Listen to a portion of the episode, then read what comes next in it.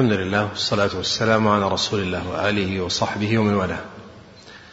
آه ما زلنا أيها الأحبة نقرأ هذه المراحل التي ذكرها الدكتور عصام العويد في كتابه المراحل الثمان لطالب فهم القرآن ووصلنا إلى المرحلة الثالثة وذكرنا أو وذكر في معرض معرض حديثه في المرحلة الثالثة وهي فهم أو أهمية فهم معنى حروف المعاني والأدوات الواردة في القرآن فذكر جدولا يبين فيه أشهر هذه الحروف وأكثرها ترددا في القرآن ويبين لكل حرف ما معناه أو معانيه ويمثل على كل معنى بآية أو آيتين. فذكر ال وذكر الباء ثم ذكر السين وسوف ثم ذكر على فمثلا في قول الله عز وجل أصل على يقول أصل معانيها الاستعلاء يعني العلو ركبت على الناقة يعني علوت عليها. وتأتي للغاية وتأتي للظرفية. وهنا يا إخواني آه، سنذكر مثال نبين فيه كيف إدراك هذه المعاني مهم جدا. ومفيد أيضا للإنسان في تلاوته للقرآن وفهمه لدقيق المعاني من كتاب الله عز وجل. فمثلا قال الله عز وجل في قصة موسى لما مر على أهل مدين ووجد من دونهم امرأتين تذودان قال ما خطبكما؟ قالتا لا نسقي حتى يصدر الرعاء وأبونا شيخ كبير فسقى لهما ثم تولى إلى الظل فقال رب إني لما أنزلت إلي من خير فقير فجاءته إحداهما تمشي إيش؟ على استحياء. لماذا قال على استحياء؟ لما قال تمشي مستحية مثلا. نعم. أيوة. أيوة على عليها يعني. أو هي تمشي على الحياة نعم. أيوة شوف كيف. لاحظوا يا إخواني كأنها راكبة على الحياء كل اللي تحتها حياء ومتمكنة مثل تمكنك من الدابة. يعني في مشيتها حياء في كلامها حياء في ثوبها حياء في غطاء وجهها مثلا وشعرها. حتى يقال إن موسى عليه الصلاة والسلام وهو من هو؟ في مقامه وعفته. لما قال لها وأين أبوك؟ قالت اتبعني. قال بل أنت امشي ورائي. فإني رجل عبراني لا أنظر إلى أدبار النساء. يعني شوف من حياء موسى الذي قابل به حياء هذه الفتاة أنه أمرها أن تمشي وراءه وتدله بالصوت لأنها لو مشت أمامه ماذا؟ سيرفع بصره حتى ينظر أين هي. المهم أن هذه الفتاة قال الله فيها فجاءته إحداهما تمشي على استحياء يعني كأنها متمكنة من الحياة وعالية عليه وعلت هي بسبب الحياة والمرأة ما تعلو إلا بسبب الحياة والله إذا تبذلت يا إخواني أول من يحقرها من يراها من الرجال ولا لا؟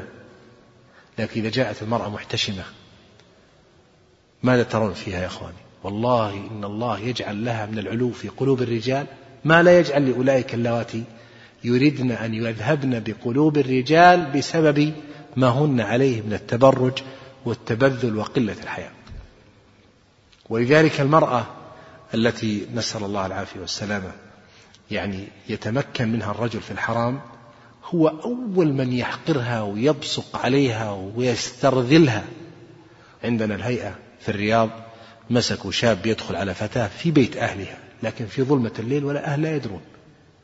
فجاء أحد الجيران وبلغ الهيئة فجاءت الهيئة وترقبت وجدت بالفعل وبعد الساعة الواحدة ليلا يأتي ويقف وتفتح له الفتاة ويدخل يعاشرها في بيت أهلها نسأل الله العافية والسلامة. لكن الأهل في غفلة. فالمهم الهيئة قبضت عليهم عند الباب وأخذتهما إلى الهيئة. لما أذن الفجر اتصلوا على أبيها فقالوا له تعال. قالوا لماذا آتي؟ قالوا نريدك في أمر ضروري. قال طيب بعدين؟ قالوا لا الآن. فجاء. فلما جاء قالوا له بنتك عندنا. قال وما الذي جاء ببنتي آسف. لما اتصلوا عليه قالوا وين بنتك؟ قالوا ماذا تريدون بها؟ قالوا نريد نسأل عنها. قال موجودة. قالوا ابحث عنها. فذهب إلى غرفتها ما وجدها. بحث عنها في البيت ما وجدها. نسأل الله العافية والسلامة يا أخوان. فقال ما وجدتها؟ أين هي؟ قالوا عندنا. ما الذي جابها عندكم؟ المهم لما ذهب عرف القصة. فالهيئة جزاهم الله خيرا من من حسن تصرفه. قالوا ما دام الرجل قد صار له بها علاقة نحن مستعدون الآن. إذا هي تقول إنه جاء إلي ويعدني بالزواج وأنا تعرفت عليه من أجل أنه نهيئ أنفسنا لحياته. هل يجيها كل ليلة؟ وصديقته ويقول لها أنا أحبك ومدري إيش. شوفوا يا أخواني. فبكت الفتاة وسقطت أمام الناس. أنت اللي تغارني كل هذه الأيام تقول لي كذا وكذا الآن تقول لي هذا الكلام؟ انظروا يا إخواني نسأل الله العافية. أول من يستهين بالمرأة المتبرجة التي باعت عرضها وشرفها هو من؟ كانت تريد أن تغزو قلبه وأن تتملك قلبه. نسأل الله العافية. وهذا معاملة لها بالضد وهذا كما يقول العلماء الجزاء من جنس العمل نسأل الله العافية والسلام طيب هذا استطراد. قال عن أصل معانيها المجاوزة وتأتي أيضا للسببية. المجاوزة يقول وهو معنى لا يكاد يفارقها لأنه كثير في عن. ربنا اكشف عنا العذاب مجاوزين العذاب. وتأتي سببية كما في قول الله عز وجل وما نحن بتاركي آلهتنا عن قولك أي بسبب قولك. وكذلك الفاء تأتي عاطفة للتعقيب للسببية وتأتي فصيحة تأتي توكيدية تأتي جوابية.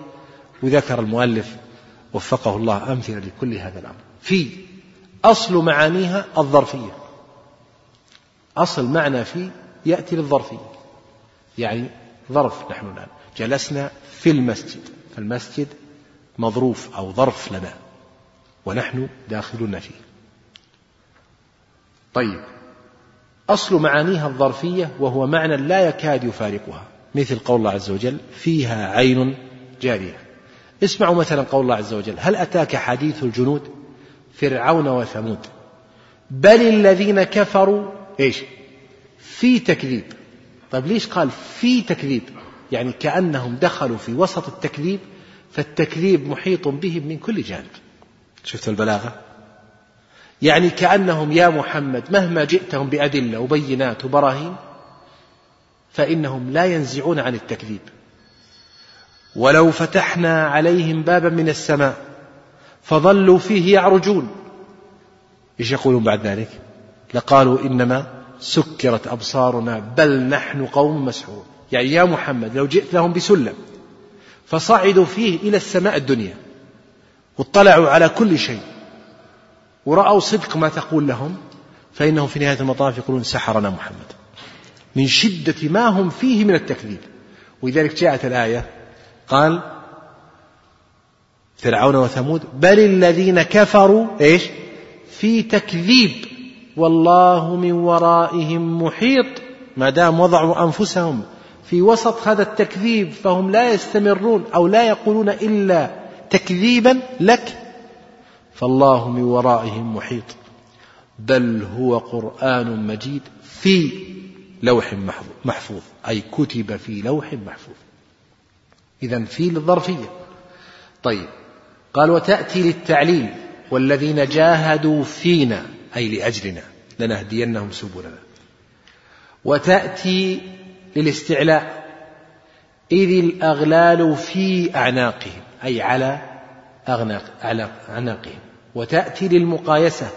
فما متاع الحياة الدنيا في الآخرة إلا قليل. قياسا للآخرة إلا قليل. قال النبي صلى الله عليه وسلم والله ما الدنيا في الآخرة إلا مثل ما يجعل أحدكم أصبعه في اليم. فلينظر بما يرجع. يعني مقياس الدنيا بالنسبة للآخرة اللي يريد يعرف المقياس؟ يروح للبحر ثم يدخل أصبعه في الماء ثم يخرجها.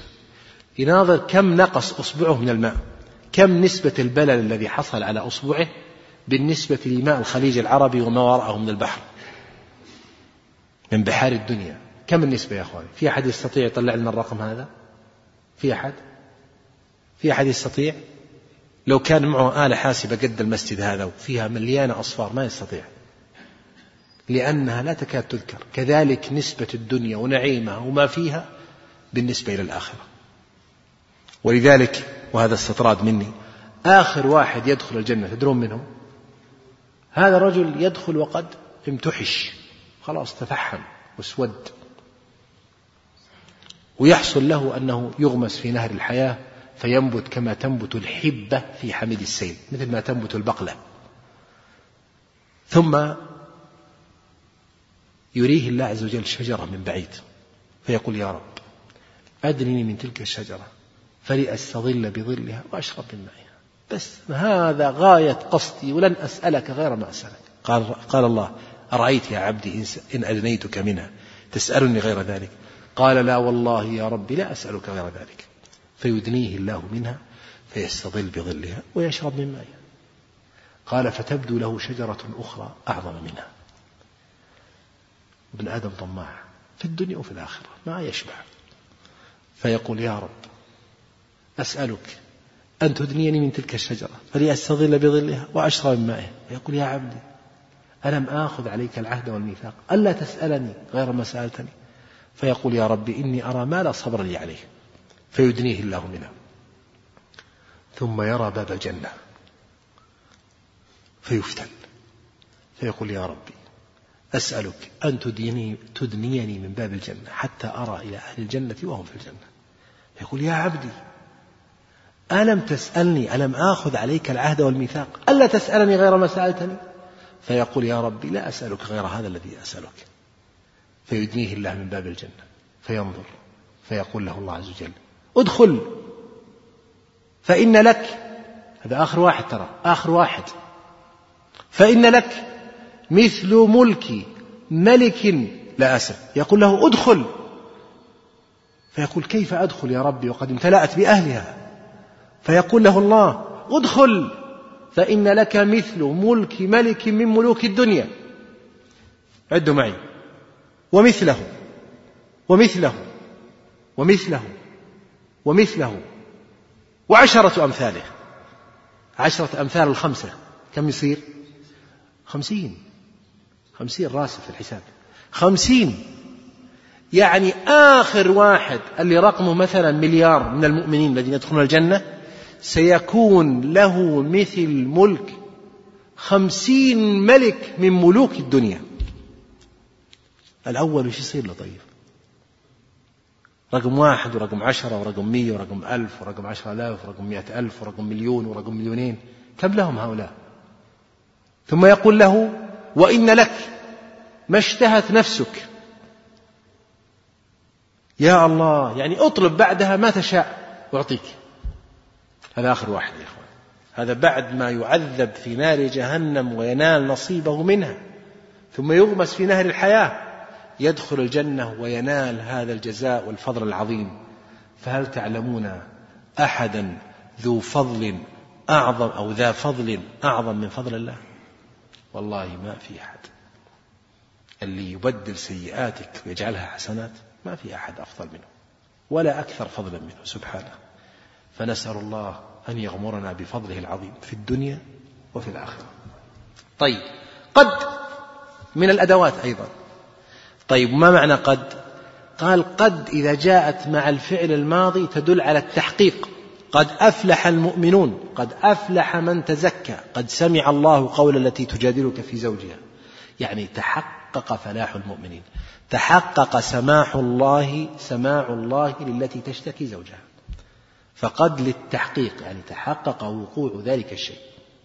إذا جاءت مع الفعل الماضي. أما مع الفعل المضارع فإن الأغلب أن تكون للتقليل.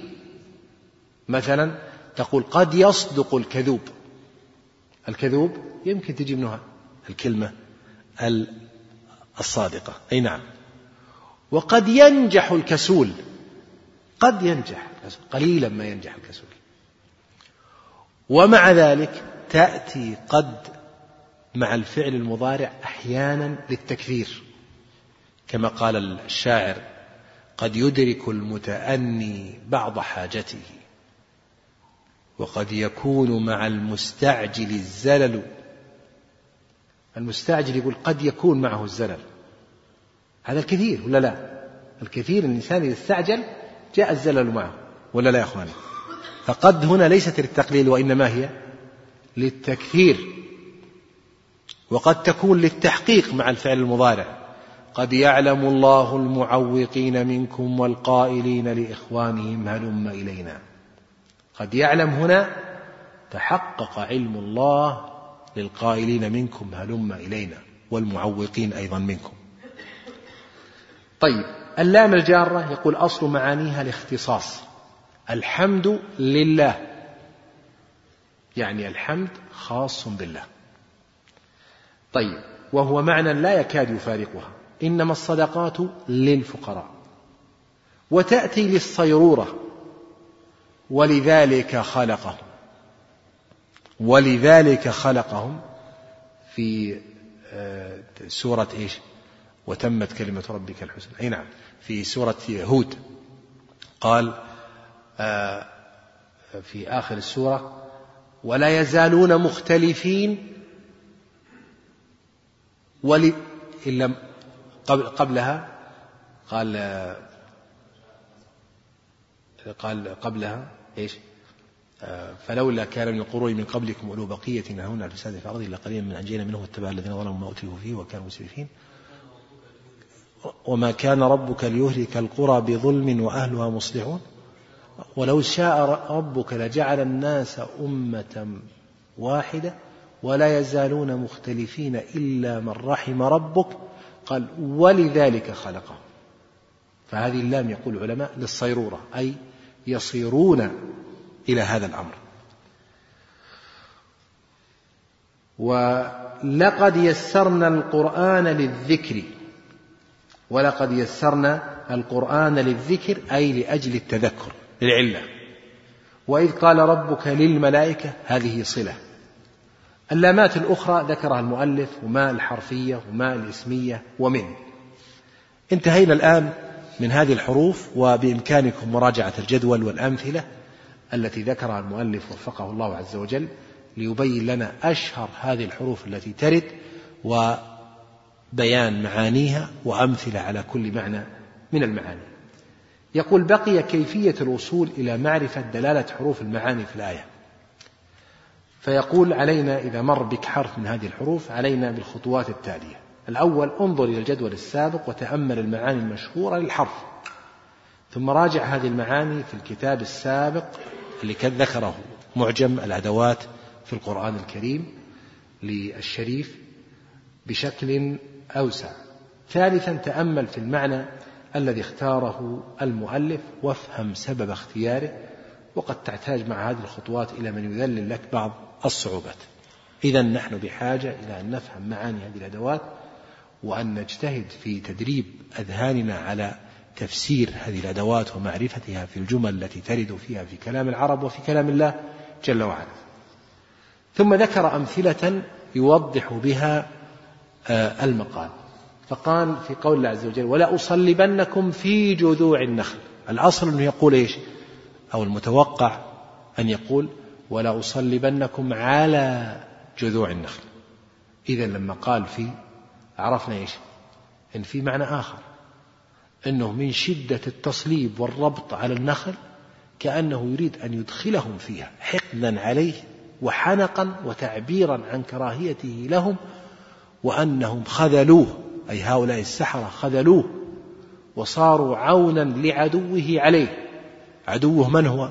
موسى عليه الصلاة والسلام طيب المثال الثاني قال سلام عليك سأستغفر لك ربي إنه كان بي حفي هذا إبراهيم يقول لأبيه الذي قال قال لئن لم تنتهي يا إبراهيم لا لئن لم تنتهي لأرجمنك قال قال لئن لم تنتهي لأر إيش؟ قال لئن لم تنتهي لأرجمن إيش؟ يا إبراهيم لا. آه، قال آه، إني أخاف أن يمسك عذاب من الرحمن فتكون للشيطان وليا. قال أراغب أنت عن آلهتي يا إبراهيم. لئن لم تنته لأرجمنك. واهجرني مليا. هذا رد الأب. رد الابن قال سلام عليك. سأستغفر لك ربي. أول شيء سلام عليك. شوف مقابلة السيئة بالحسنة. إبراهيم سبحان الله هذا آية من آيات الله. ولذلك استحق مرتبة الخلة. سأستغفر لك ربي. السين هنا لأي شيء؟ ها؟ للمهلة لكن المهلة القريبة. يعني سأشرع بعد قليل في الاستغفار لك على ما بدر منك. ثم بعد ذلك لما علم أنه عدو لله تبرأ منه. فانظروا لما جاء بالسين هنا دل ذلك على قرب الاستغفار وأن إبراهيم كان رؤوفا رحيما بأبيه حريصا عليه شديد الحرص برا به. ولو قال سوف أستغفر لك ربي لدل على ذلك على إيش؟ على زمن أبعد وهو خلاف مراد إبراهيم عليه السلام الذي بلغ من إحسانه بأبيه وحرصه على هدايته ما بلغ. مع شدة ما لقيه منه من وعيد وطرد وتهديد وغير ذلك. فهذه السين إشارة إلى نوع من الكمالات الخلقية التي اختص الله بها هذا النبي الكريم ومن وفق من عباده الصالحين. وقريب منه ما قال عطاء الخرساني. اسمعوا ماذا قال عطاء. يعني العلماء يأتون بعجائب عندما يتأملون هذه الحروف والأدوات.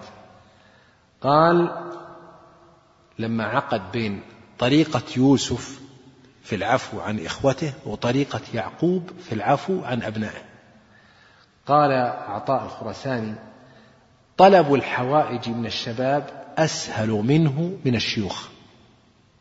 الحاجة عندما تطلبها من الشاب الحصول عليها أيسر من الحاجة عندما تطلبها من الشيخ. الشيخ يفكر ويناظر ويدبر وعنده تجارب وعنده أشياء وعنده أمور كثيرة ينظر إليها. الشاب يقتنع بالشيء يجيب مباشرة. ها؟ ويضرب على صدره وعلى طول يعطيك ما تريد. طيب. قال ألم ترى إلى قول يوسف عندما اعتذر إليه إخوته؟ قال لا تثريب عليكم اليوم يغفر الله لكم. مباشرة. عفى عنهم ولا تثريب عليهم وعد أنه لن يذكرهم بشيء مما وقع منه. ولذلك لما جاء أبوه وجاء إخوته واجتمعوا عنده قال ماذا قال؟ ورفع أبويه على العرش وخروا له سجدا وقال يا أبت هذا تأويل رؤياي من قبل قد جعله ربي حقا. وقد أحسن بي إيش؟ إذا أخرجني من السجن ولا من الجب؟ ما جاب ذكر الجب. مع أن الجب خطير كان مآله إلى الموت والهلاك وما ذكر الجب ليه؟ لأنه قال لإخوته لا تثريب عليكم. خلاص. والله ما يذكر هذا الأمر. لا تثريب عليكم اليوم. وقد أحسن بي إذ أخرجني من السجن وجاء بكم من البدو. من بعد أن نزغ الشيطان بيني وبين إخوتي. طيب يعني كأن الشيطان سوى مشكلة بيني وبين إخوتي. طيب من هو صاحب المشكلة؟ ومن اللي بدأ الشر؟ وكيف صارت القضية؟ ما ذكر هذا الأمر ولا مر على سيرته. كريم يوسف. لذلك قال النبي صلى الله عليه وسلم إن الكريم ابن الكريم ابن الكريم ابن الكريم هو يوسف ابن يعقوب ابن إسحاق ابن إبراهيم. إي والله كريم والله كريم. شفتوا كيف الكرم يا إخواني؟ مع أنهم يا إخواني فرقوا بينه وبين أبيه وكادوا له يقتلوه ثم باعوه ثم حصل له من الغربة والشتات والبعد والفتنة ثم السجن. تدرون كم الفرق بينهما؟ يقال أربعين سنة. تصور لو واحد. أربعين سنة وأن تتلظى بنار مكيدته التي كادك بها. وش يبقى في نفسك؟ يبقى في نفسك الكثير عليه ولا لا؟ بل لو واحد بصق في وجهك أمام الناس ثم جاء يستسمح منك في نفس اللحظة تقول خلاص سامحتك بس فارق عني يا أخي ابعد عني. لا عاد أشوفك بعد اليوم صح ولا لا؟ من شدة وهي بصقة. كيف قتل ومؤامرات وشغل على ولد وطفل صغير. ثم في النهاية يقول لا تثريب عليكم اليوم يغفر الله لكم وهو أرحم الراحمين. ثم لما جاء التذكير بهذا الأمر أعرض عنه إعراضا تاما ومر عليه مرورا كريما. طيب لما رجعوا إلى الأب إيش قالوا له؟ قالوا يا أبانا استغفر لنا ذنوبنا إنا كنا خاطئين. إيش قال الأب؟ قال سوف أستغفر لكم ربي. سوف أستغفر لكم ربي انظروا فيقول عطاء الخرساني ألم تر قول يوسف عليه السلام لا تثريب عليكم اليوم؟ يغفر الله لكم؟ وقال يعقوب عليه السلام سوف أستغفر لكم ربي. طيب ذكر أمثلة يا إخواني مثال الثالث والرابع والخامس والسادس. والحقيقة أننا يعني هذه الأمثلة تزيد المعنى إيضاحا فتقرؤونها جزاكم الله خيرا في هذا الكتاب الذي بين أيديكم. وننتقل بعدها إلى صفحة سبعين. يقول في نهاية الصفحة التضمين. التضمين ذكره المؤلف في هذا الباب اللي هو معرفة معاني الأدوات لأن له صلة بالأدوات. فالتضمين يأتي كجزء أساسي في آه، أو تأتي الأدوات جزءا أساسيا في هذا المعنى العظيم من معاني كلام العرب أو في هذا الفن من فنون كلام العرب. ما هو التضمين؟ تضمين يا أحبابي أن يأتي الفعل فلا يعدى بالحرف الذي يتعدى به عادة وإنما يعدى بحرف آخر للدلالة على أن هذا الفعل في ضمنه فعل آخر. فبدل من أن أقول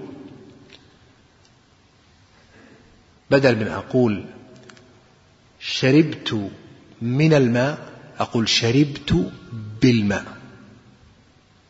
العادة إذا قلت شربت تقول من ولا بي بي تأتي بمن ولا بالباء؟ بإيش؟ من. طيب لماذا جئنا بالباء؟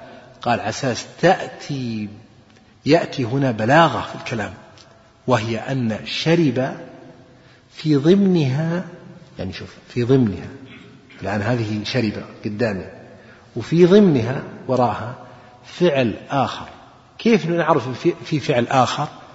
نأتي بالأداة أو بالحرف الذي يناسب هذا الفعل وليس يناسب هذا الفعل.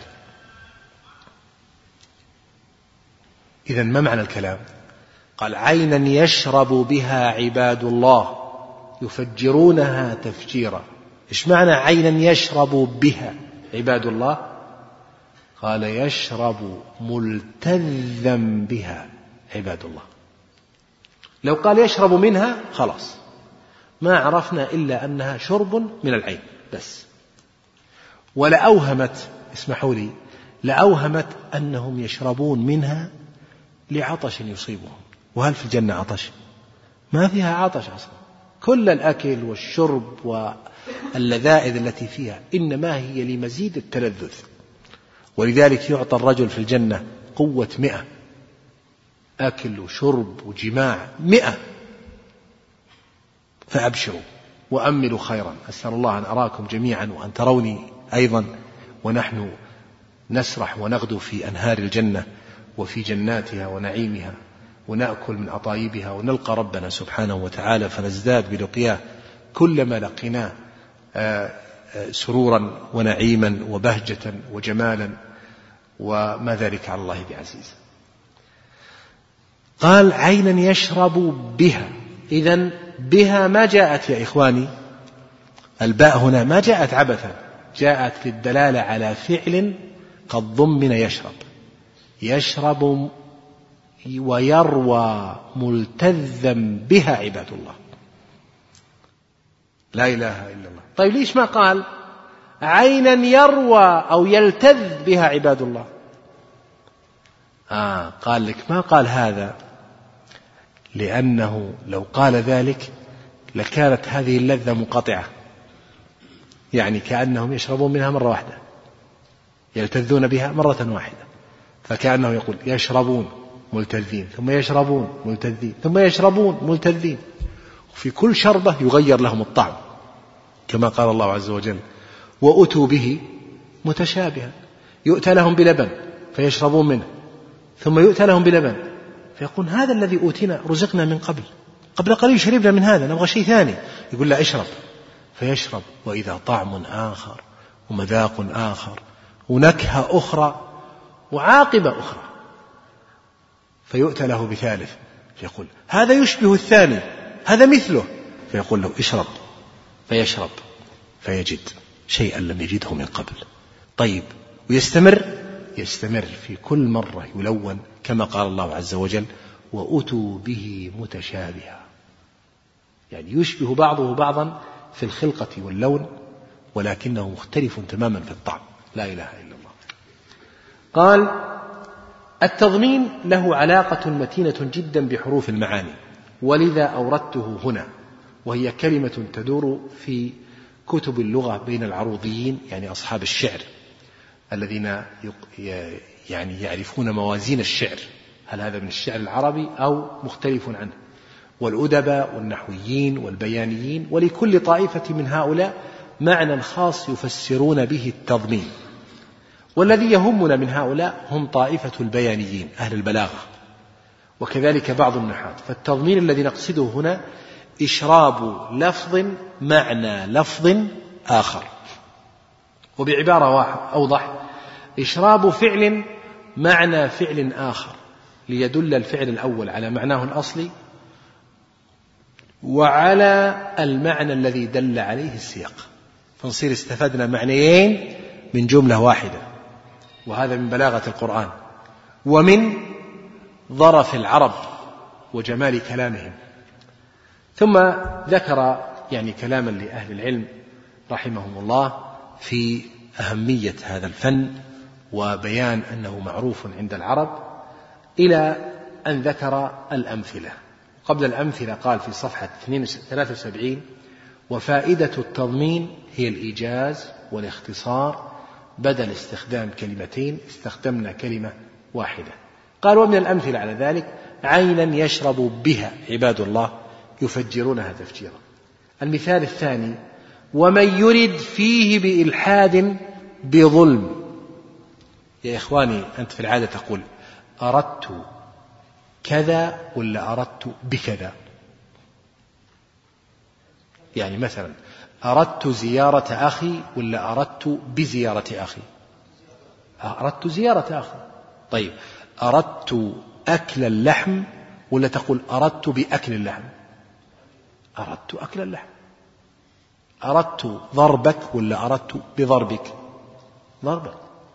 إذا أراد تتعدى بنفسها طيب لماذا عديت في الآية بحرف الباء؟ ومن يرد فيه بإلحاد.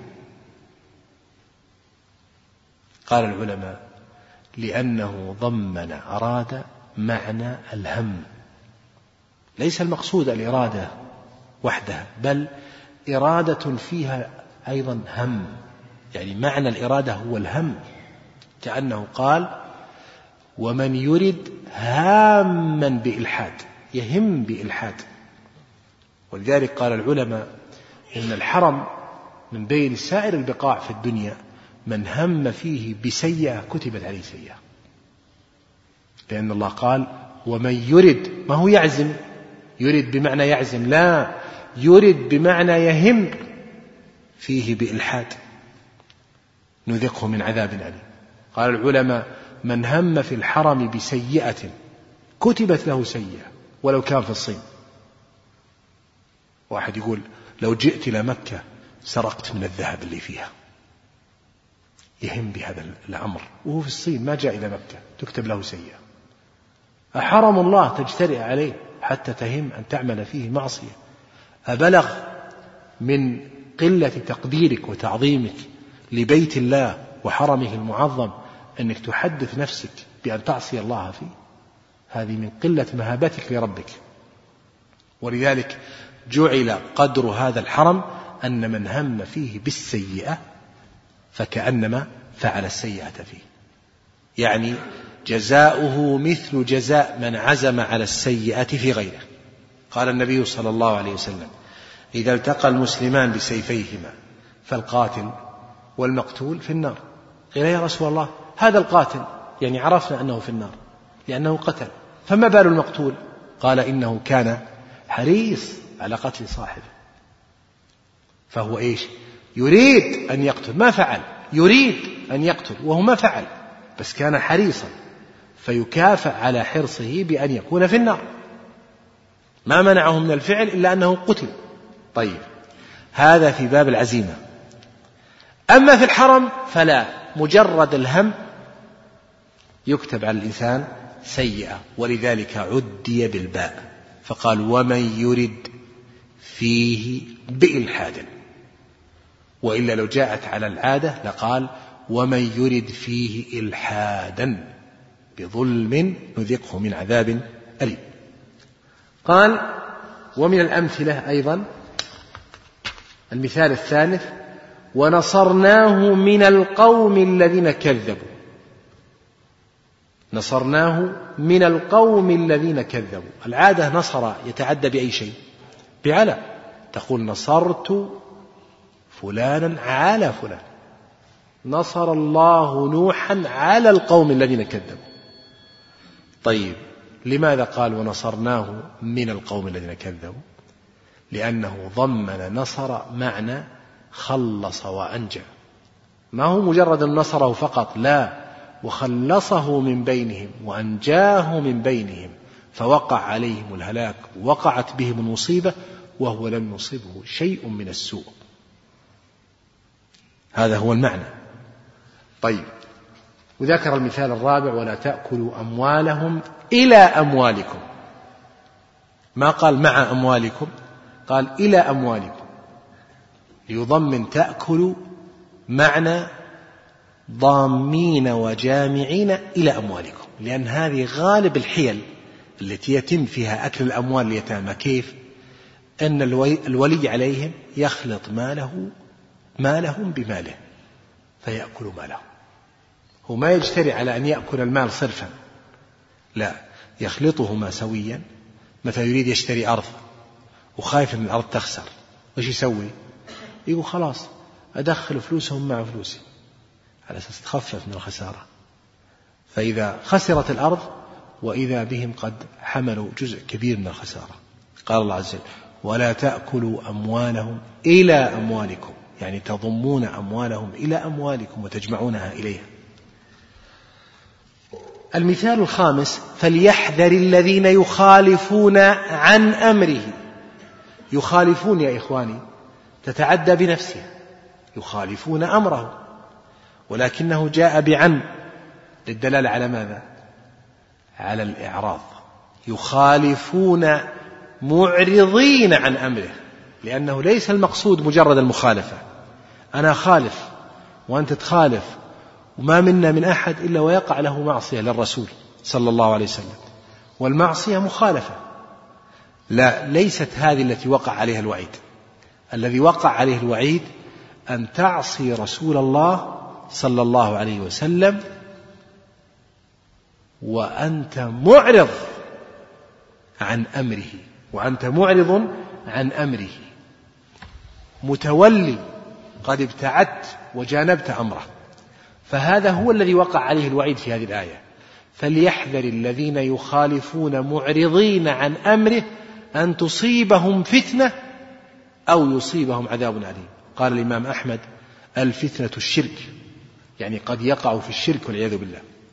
ولذلك نحن نقول من أعرض عن سنة رسول الله فإنه يخشى عليه أن يفتن في دينه وأن يقع في الزيغ والهلاك. وجزاء سيئة سيئة مثلها. أي نعم. طيب. وبهذا أيها الأحبة نكون انتهينا من المرحلة الثالثة وإن شئتم شرعنا في المرحلة الرابعة. يمدينا على الرابعة. طيب. يقول الشيخ باقي عشرين دقيقة آه نكمل إن شاء الله المرحلة الرابعة. ما هي المرحلة الرابعة؟ قال معرفة دلالة الجملة وما يتعلق بها. الجمل في اللغة العربية لها دلالات. فالجملة الاسمية لها دلالة والجملة الفعلية لها دلالة والتقديم له دلالة والتأخير له دلالة وهكذا. هذه الدلالات مهمة جدا. فمثلا قول الله عز وجل ذق إنك اعملوا ما شئتم إنه مما تعملون بصير. هذه لها دلالة. ما هو أمر مجرد. الأمر قد يأتي ويدل على طلب الفعل. قد يأتي ويدل على إيش؟ على التهديد. وقل الحق من ربكم فمن شاء فليؤمن ومن شاء فليكفر. هل هذا للتخيير؟ لا هذا إيش؟ للتهديد. مثل ما تقول لواحد من الناس اعمل ما شئت فأنا لك بالمرصاد. هل تريد أن تقول له اعمل ما شئت بالفعل؟ لا إنما تهدده. فهذه تسمى دلالات يا إخواني.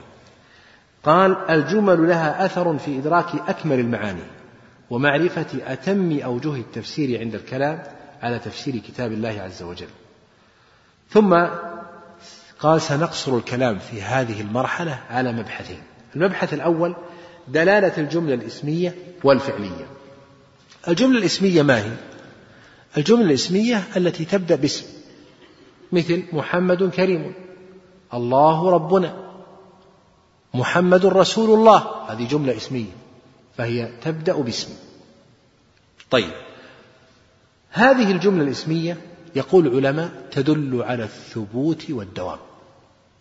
فأنا الآن لما أقول سعد كريم لا أريد أن تفهموا أنه كريم الليلة فقط وغدا يحتاج إلى ها؟ قد يتحول إلى بخيل ثم بعدين لا ما دمت قلت سعد كريم عبرت بالجملة الإسمية فإن هذا الوصف ثابت له ملازم له مستقر عليه. محمد رسول الله هل هو رسول في ساعة دون ساعة؟ لا. الرسالة معه عليه الصلاة والسلام حتى لقي ربه فهو رسول الله دائما حتى نلقاه على الحوض. بإذن الله عز وجل فنشرب من يده الشريفة شربة لا نظمأ بعدها أسأل الله لي ولكم ولوالدينا وللمسلمين أن نمكن من هذه الشربة العظيمة. طيب هذا دلالة الجملة الإسمية. طيب دلالة الجملة الفعلية؟ الجملة الفعلية يقول العلماء تدل على ماذا؟ تدل على التجدد والحدوث. انظروا يا إخواني ضرب محمد سعدا. طيب الضربة الآن وقعت. مستمرة ولا انتهت؟ انتهت لأنها جملة فعلية. لأنها جملة فعلية. فالجملة الفعلية تدل على حدوث الشيء ثم انقطاع ويتجدد بعد ذلك. أما الجملة الاسمية لا.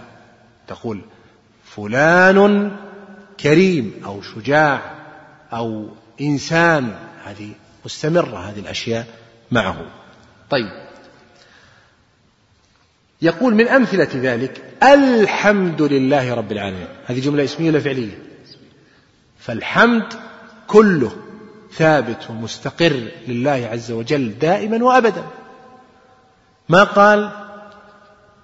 نحمد الله رب العالمين. أراد أن يبين أن الحمد ثابت لله ومستقر. طيب لو قال نحمد الله رب العالمين يعني نحن نجدد الحمد لله مرة بعد أخرى. كلما تجددت لنا نعمة جددنا الحمد. ولذلك يقول النبي صلى الله عليه وسلم في الحديث إن الحمد لله يعني الحمد كله ثابت لله. ثم يقول نحمده نحن نجدد الحمد له مرة بعد أخرى كلما تجددت نعمة أو اندفعت نقمة. لاحظتم؟ ففعلي أنا مرة بعد أخرى. وما يستحقه الله إيش؟ أن الحمد ثابت له مستقر له. واضح؟ أي نعم. ثم قال الله الصمد. صمدية الله. تأتي في حين دون حين ولا ثابتة مستقرة لله؟ ثابتة مستقرة لله. قال يصلونها يوم الدين وما هم عنها بغائبين. قال جاء بالجملة الفعلية يصلونها للدلالة الفعلية على زمن الاصطلاع مع تقوية الوعيد. يصلونها في ذلك الوقت يوم الدين. في تلك اللحظة يصلونها. يتجدد لهم الصليب. ثم عطفت عليها جملة اسمية. وما هم عنها بغائبين. الاصطلاع في نار جهنم يجدد لهم. كلما نضجت جلودهم إيش؟ بدلناهم جلودا غيرها ليذوقوا العذاب. فيتجدد الصليب. عقب ما يلبس ثوب جديد من اللحم وغيرها نسأل الله العافية والسلامة يبدأ الصليب من جديد. كلما نضجت جلوده بدلناهم جلودا لتنضج مرة أخرى وتصلى مرة أخرى نسأل الله العافية أي تشوى في نار جهنم. ثم قال وما هم عنها بغائبين. هذه جملة اسمية. هل سيخرجون من النار؟ لا لن يخرجوا. فهم ثابتون مستقرون دائم في نار جهنم. طيب عما يتساءلون عن النبأ العظيم الذي هم فيه يختلفون. فالتساؤل يتجدد.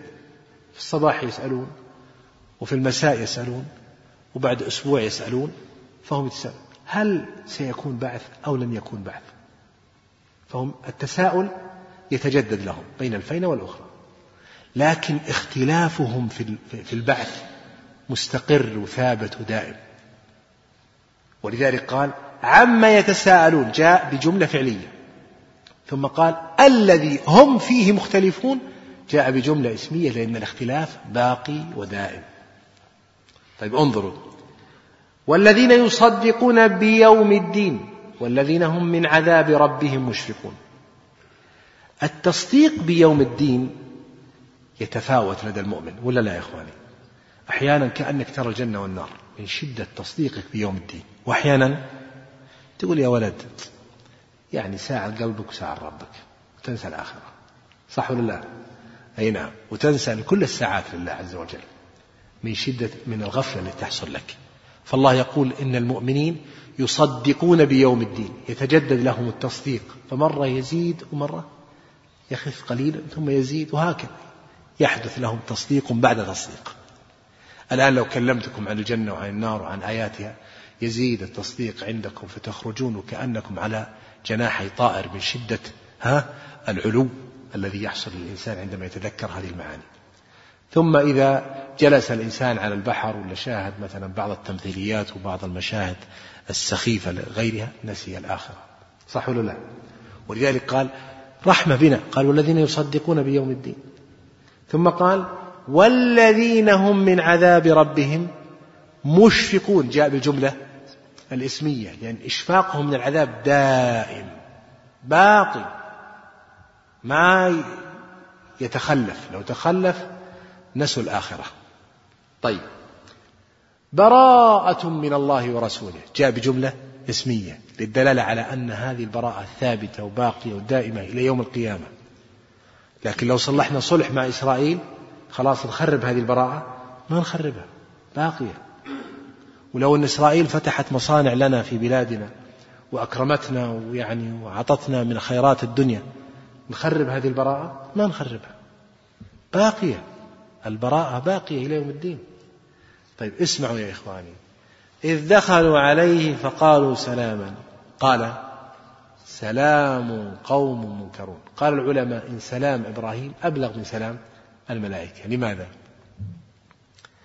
لأن الملائكة قالوا سلاما أي نسلم عليك يا إبراهيم سلاما. هذه جملة إيش؟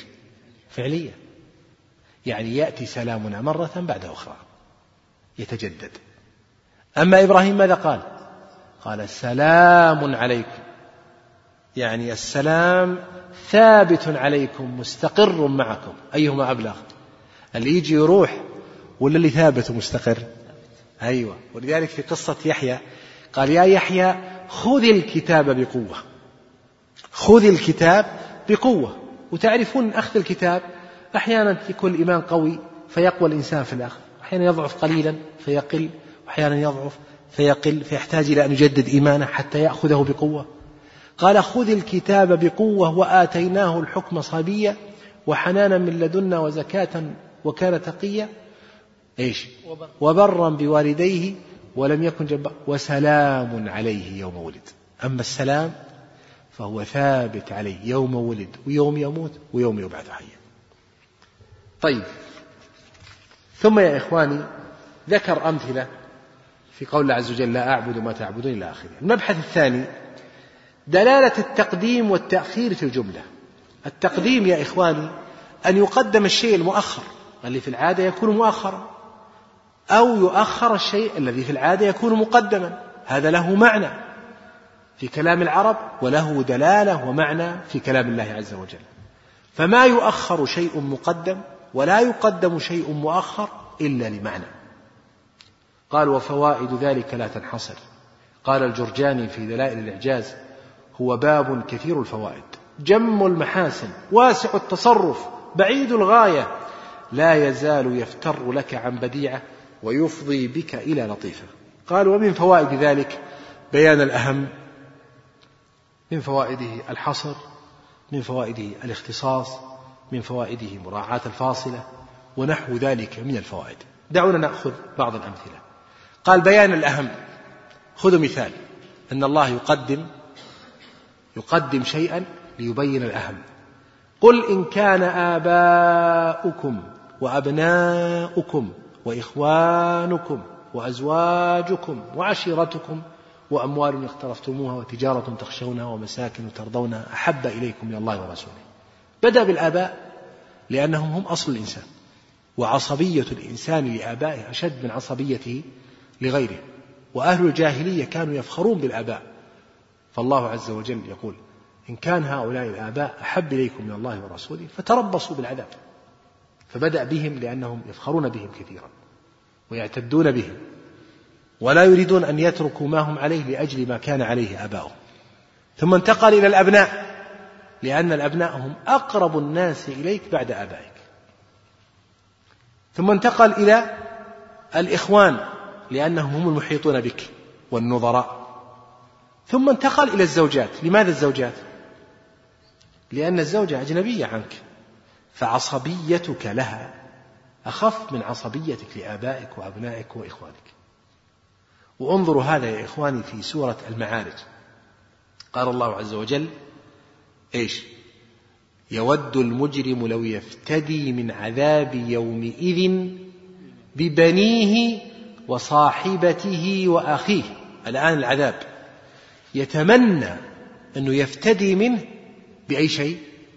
بالأبناء لشدة رغبة الإنسان فيهم ومحبته لهم ولصوقه بهم يتمنى أن يجعل هؤلاء الأبناء فداء له عن العذاب. ببنيه وصاحبته الزوجة. إيش؟ وأخيه الأخ. فبدأ بالأشد قربا. بدأ بالأشد قربا من شدة زهده في كل شيء حتى إنه مستعد أن هؤلاء الأبناء الذين يفديهم في حياته ومستعد يقدم عليهم يعني من أجلهم كل شيء إذا جاء العذاب يوم القيامة يود أن يجعلهم فداء له عن العذاب واضح؟ طيب في سورة العبسة إيش قال؟ فإذا جاءت الصاخة يوم يفر المرء من أخيه وأمه وأبيه وصاحبته وبنيه. بدأ بالأخ. لأن حياء الإنسان من أخيه أشد من حيائه من أبنائه. لاحظتم؟ الحين ابنك لو يقول لك ها عطني حسنة. تقول له يلا بس ارجع وراك. لكن لو جاء أخوك لو جاء ابنك قال لك يا أبوي مثلا عطني فلوس أبغى أشتري. تقول له يلا يلا بس ابتعد. استح على وجهك ماني معطيك شيء. ولا لا يا إخوان؟ طيب. لو جاء أخوك قال يا أبو فلان أنا داخل على الله ثم عليك. أبي لي سلف عشرة آلاف دينار. إيش تقول؟ تستحي. أي ولذلك قال فإذا جاءت الصاخة يوم يفر لما في يوم القيامة ينظر رأى أخاه فر بسرعة لأنه يستحي من أخيه. إيش؟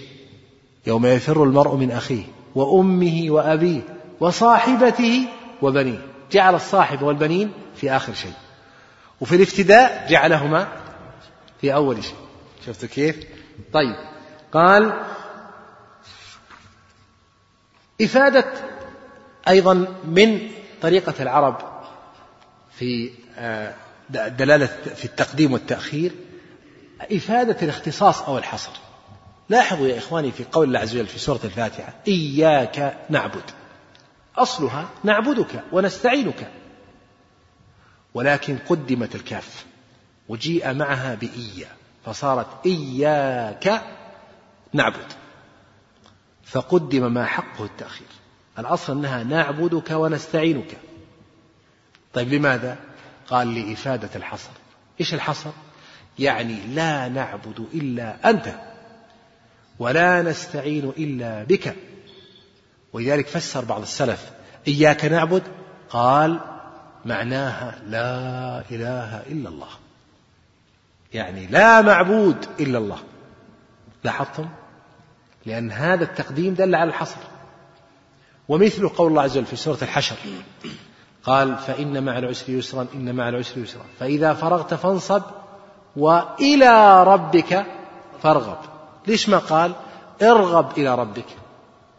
لأنك إذا قلت إلى ربك فارغب دل ذلك على الحصر. يعني ارغب إلى ربك لا إلى أحد سواه. في سورة الإخلاص قال الله عز وجل لم يلد ولم يولد ولم يكن له كفوا أحد. من يقول لي منكم يا إخواني إيش أصل الكلمة هذه لو رتبناها الترتيب المعروف في كلام العرب؟ إيش نقول؟ يا سلام. ولم يكن أحد هذه آخر كلمة في الآية. ولم يكن أحد كفوا له. له هذه اللي جت في الأول الأصل أنها في آخر شيء. وأحد التي في الأخير الأصل أنها تأتي في أول شيء. ولم يكن له كفوا أحد. أصلها ولم يكن أحد كفوا له. طيب لماذا هذا؟ قال للدلالة على الحصر. للدلالة على الحصر وأنه ليس أحد مكافئا ولا ندا ولا نظيرا لله عز وجل. رأيتم هذا المعنى؟ فهذا يا أخي إذا فهمت أن تقديم ما حقه التأخير يدل على الحصر فهمت معنى عظيم في كتاب الله عز وجل. وهو كثير جدا. ثم إلى الله تحشرون. إلى الله تحشرون؟ ليست تحشرون مثل تحشرون إلى الله. يعني إلى الله لا إلى غيره تحشرون. طيب. قال ومن أمثلة ذلك بل الله فاعبد. ليه ما قال؟ بل فاعبد الله. ليقول لك اعبد الله وحده دون أحد سواه. قال ومن آه، أمثلة التقديم والتأخير التنبيه أو من فوائده التنبيه على السببية. من فوائد التقديم والتأخير التنبيه على السببية. إياك نعبد وإياك نستعين. قدمت العبادة على الاستعانة. أيهما يا إخواني أول؟ إن الله يعينك فتعبد أو إنك تعبد فيعينك الله. أيهما أول؟ الأصل إن الله يعينك فتعبد. لكن قيل لك يا عبد اعبد ليعينك الله على كل شؤونك. فقدم العبادة التي هي في الأصل في الوقوع في الحياة بعد لأنه ما أحد يستطيع يعبد الله إلا بعد أن يعينه الله. فيقول لك لا يا عبدي اعبدني وأنا أعينك على كل شيء على عبادتي وعلى ما تريد يا عبدي. أي نعم. قل للمؤمنين يغضوا من أبصارهم ويحفظوا فروجهم. أيهما أهم حفظ الفرج ولا غض البصر؟ حفظ الفرج. طيب لماذا قدم غض البصر؟ لأنه هو السبب في حفظ الفرج. هو السبب فمن غض بصره حفظ فرجه ومن ضيع بصره وصار ينظر يمين ويسار في الشاشات وفي الأسواق ويرتاد الأسواق ليل نهار فقد لا يحفظ فرجه نسأل الله العافية. طيب إن الله يحب التوابين ويحب المتطهرين. لماذا قدم التوابين على المتطهرين؟ قال فإن التوبة سبب للطهارة. وأيضا من أسباب آه، من نعم من الأسباب أو من الفوائد فوائد التقديم التقديم لأجل التنويه والتشريف. ومن أمثلة ذلك اقرأ باسم ربك الذي خلق. فبدأ بالقراءة. ليش؟ ليبين لك أهميتها وأن الأمة لا تشرف إلا بالقراءة وأن هذه الأمة أمة علم وليست أمة جهل. فأول آية أنزلت عليها افتتحت بقوله اقرأ باسم ربك الذي خلق. قال الله عز وجل فاعلم أنه لا إله إلا الله واستغفر لذنبك. ماذا قال البخاري؟ قال باب العلم قبل القول والعمل. إنك تعلم قبل أن تقول أو تعمل. أخذها من قوله فاعلم أنه لا إله إلا الله واستغفر لذنبك. جعل الاستغفار بعد العلم. قال الله عز وجل الرحمن علم القرآن خلق الإنسان. قدم علم القرآن على خلق الإنسان. لماذا؟ ليبين لك أن حياتك إنما تكون بالقرآن وأنك لن تسعد ولن تحيا. حياة حقيقية تستمتع فيها بإنسانيتك إلا إذا تعلمت القرآن وسرت على هديه. أيضا يكون من فوائد التقديم التقديم للتحذير. قال الله عز وجل واعلموا أنما أموالكم وأولادكم فتنة. لماذا قدم الأموال؟ لأن الفتنة بالأموال أشد وألصق من الفتنة بالأولاد.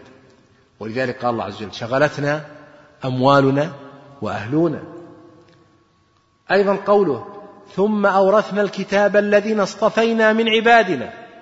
فمنهم ظالم لنفسه. ومنهم مقتصد ومنهم سابق بالخيرات. لماذا قدم الظالم لنفسه؟ للتحذير منه لكثرة وقوع العباد في ظلم أنفسهم. ولأن أكثر المسلمين هم من صنف الظالم لنفسه. وأقل منهم المقتصدون الذين يفعلون الواجبات ويتركون المحرمات ولا يفعلون النوافل. فهؤلاء أكثر أقل من الظالمين لأنفسهم. وأقل من المقتصدين ها السابقون بالخيرات الذين يفعلون الواجبات ويتركون المحرمات ويفعلون السنن والمستحبات ويتركون المكروهات والمشتبهات. فهؤلاء سابقون وهم أقل من المقتصدين. فقدم الظالم لأجل ماذا؟ لأجل التحذير لكثرة وقوع ذلك الظلم من الناس. فاحذروا أيها المسلمون. كذلك قول الله عز وجل ويقولون يا ويلتنا ما لهذا الكتاب لا يغادر. إيش؟ صغيرة ولا كبيرة؟ استعاذوا من الصغيرة قبل الكبيرة. لأنهم عرفوا أنهم على خطر فالصغيرة بالنسبة لهم في ذلك الوقت ستكون شر وبال. الآن نحن رأينا الصغائر إذا كيف لو رأينا الكبائر؟ وقد سجلت في صحائفنا. يا ويلنا. قال وهذا الباب واسع وهو مبسوط في كتب علوم القرآن وعلينا أن نتعرف عليه. ومن أمثلته يا إخواني ذكرته اليوم في أحد المساجد. قدم الله عز وجل أمر بالمعروف والنهي عن المنكر على أمور أهم من الأمر بالمعروف والنهي عن المنكر. كنتم خير أمة أخرجت للناس تأمرون بالمعروف وتنهون عن المنكر وتؤمنون بالله. فقدم الأمر بالمعروف والنهي عن المنكر على الإيمان بالله. ليه؟ ليبين لك أنه مهم جدا وأن الخيرية لهذه الأمة لا تكون إلا بالأمر بالمعروف والنهي عن المنكر. ليس لأنه أهم من الإيمان وإنما ليبرز الأمر بالمعروف والنهي عن المنكر. وقال في سورة التوبة والمؤمنون والمؤمنات بعضهم أولياء بعض يأمرون بالمعروف وينهون عن المنكر ويقيمون الصلاة ويؤتون الزكاة ويطيعون الله ورسوله. قال الشيخ ابن باز رحمه الله لا أعلم شعيرة قدمها الله على الإيمان وإقام الصلاة وإيتاء الزكاة وطاعة الله ورسوله إلا الأمر بالمعروف والنهي عن المنكر وذلك لبيان شرفه وعظيم فضله. أسأل الله سبحانه وتعالى أن يجعلني وإياكم من أهل القرآن الذين هم أهل الله وخاصته وأن يفقهنا في الدين ويعلمنا تأويل الكتاب المبين صلى الله وسلم على نبينا محمد وآله وصحبه أجمعين.